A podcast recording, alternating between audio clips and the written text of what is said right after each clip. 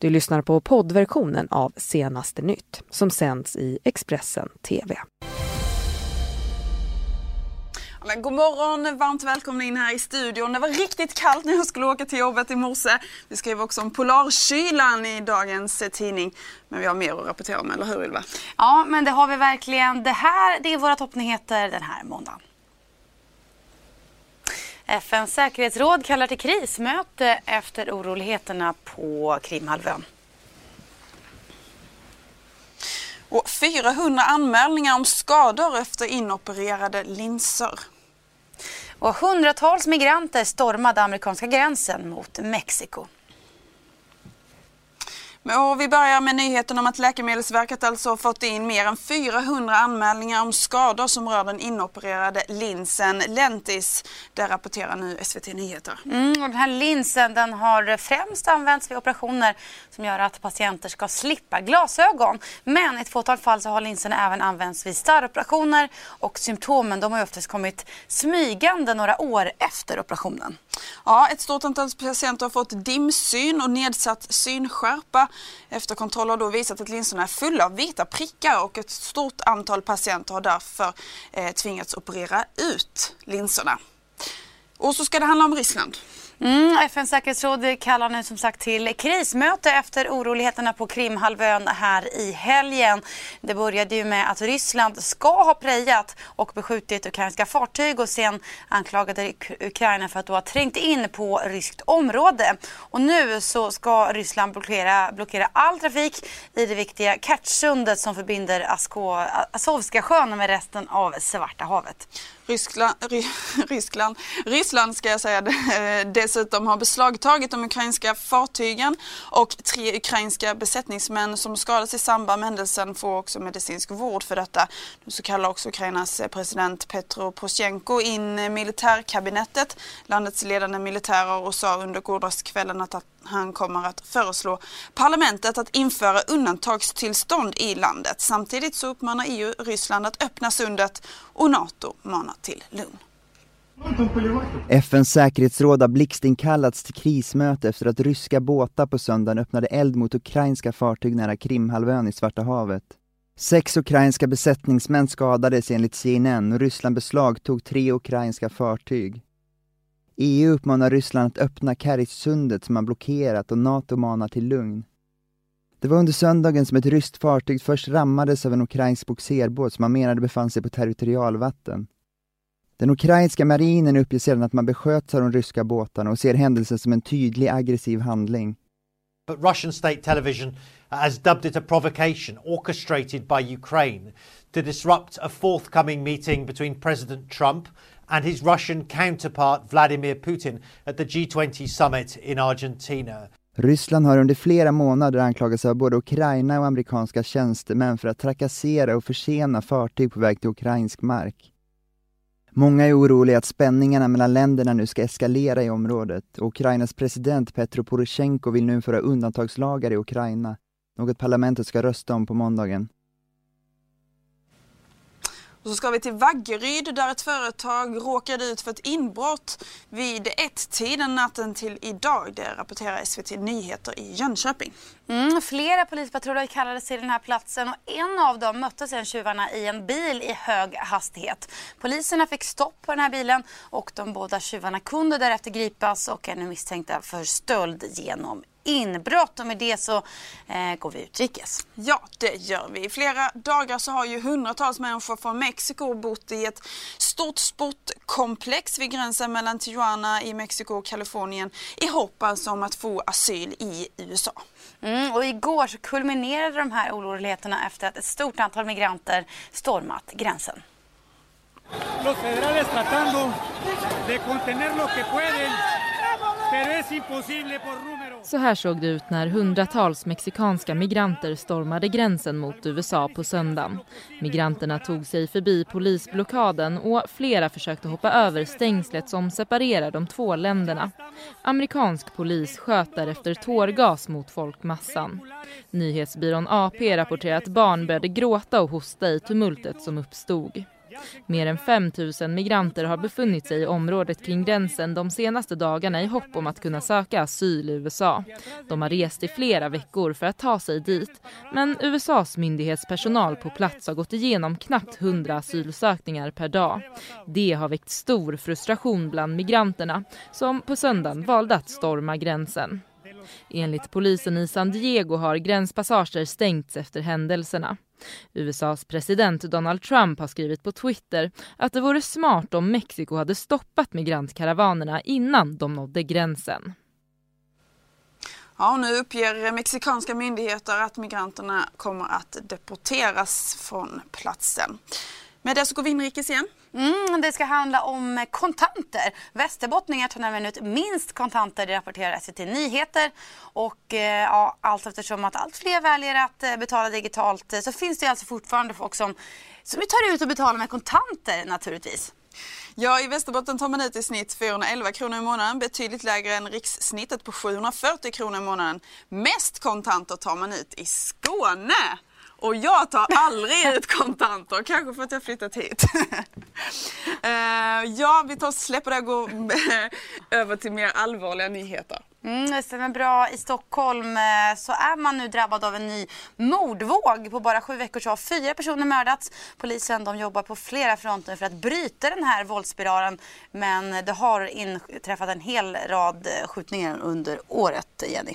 Ja, exakt. Hela 92 skjutningar i länet. Totalt så har 44 personer skadats och 10 dött till följd av skottskador. Precis nu för bara några sekunder sedan så anlände, anlände polisens tekniker hit för att eh, genomsöka den här platsen.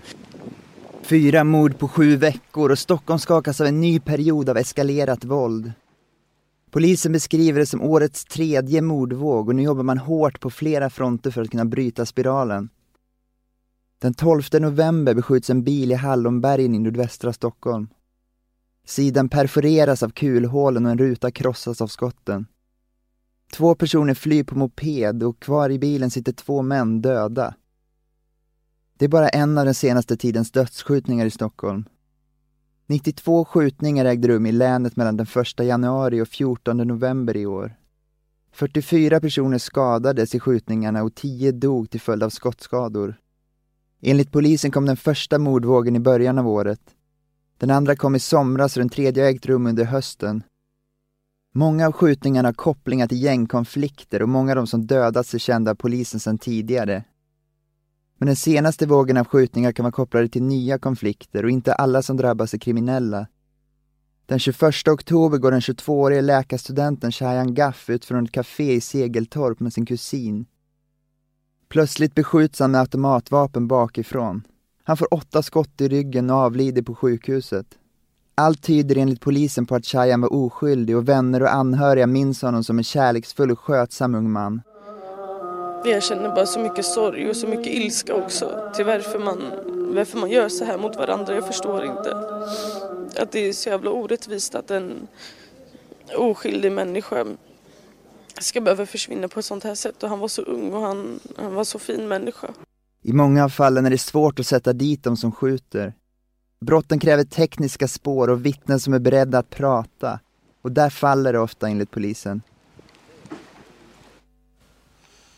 Ja, Nobelgalan närmar sig med stormsteg 10 december. Så drar den igång och årets Nobelpris i medicin går till forskarna Tasuku Honjo och James P. Allison som har gjort viktiga upptäckter inom immunterapi. Mm, och svenske Kent Persson, han var en av de patienter som testade behandlingen för några år sedan och idag så menar han att det var det här som räddade honom från cancer.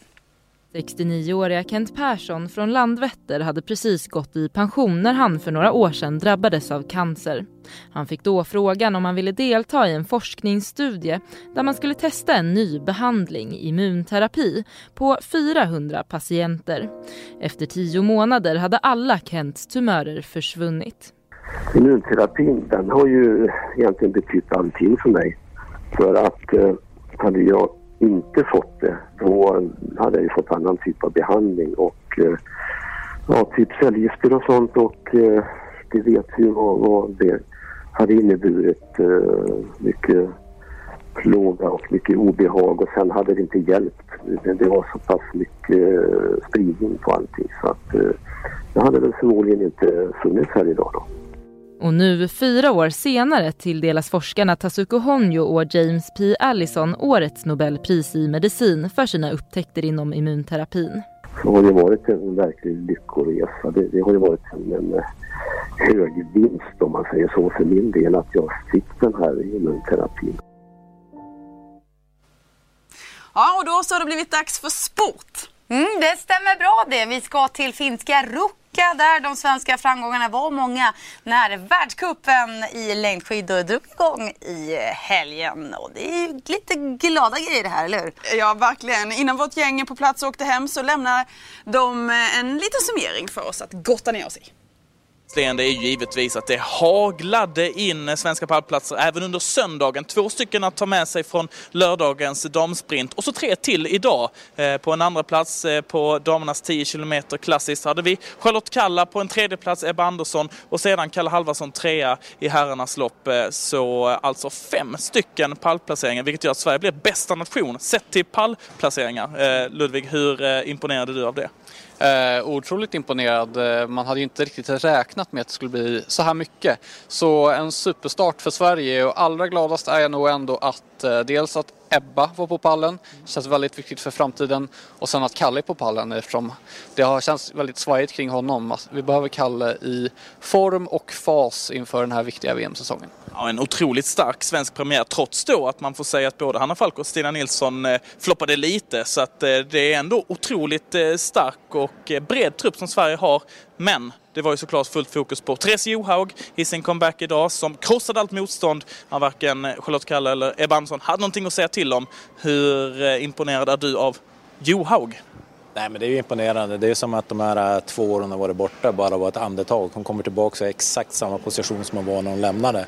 Eh, bäst eh, utan konkurrens men jag tycker ändå jag var nästan rädd för att det skulle bli ännu värre än vad det blev idag. Nu blev det dryga 20 sekunder till Charlotte, men Charlotte föll dessutom under loppet och eh, ja, Johaug var fantastisk men hon kändes inte sådär eh, totalt oövervinnerlig. Det här var ju en distans som passar henne som handsken också ska man komma ihåg. Så hon kan rubbas redan nästa helg i Lillehammer? Ja, hon kommer inte att vinna tre lopp där, det kan jag lova. Mer skidor har ni i Sportexpressens TV naturligtvis, eller ja, sportexpressen.se. Jag kanske ska ta och testa skidor för första gången i mitt liv den här vintern, eller vad säger du? Har du aldrig åkt skidor? Nej, aldrig. Vem är du människa? eh, vi kommer ju naturligtvis att prata mer om Jennys eh, framtida skidkarriär här i Senaste nytt under morgonen. Du har lyssnat på poddversionen av Senaste nytt. Alla Expressens poddar och program hittar du på Expressen.se och i Expressen TV. Ansvarig utgivare är Thomas Mattsson. Ett poddtips från Podplay. I fallen jag aldrig glömmer djupdyker Hasse Aro i arbetet bakom några av Sveriges mest uppseendeväckande brottsutredningar. Går vi in med hemlig telefonavlyssning och, och då upplever vi att vi får en total förändring av hans beteende. Vad är det som händer nu? Vem är det som läcker? Och så säger han att jag är kriminell, jag har varit kriminell i hela mitt liv men att mörda ett barn, där går min gräns. Nya säsongen av Fallen jag aldrig glömmer på Podplay.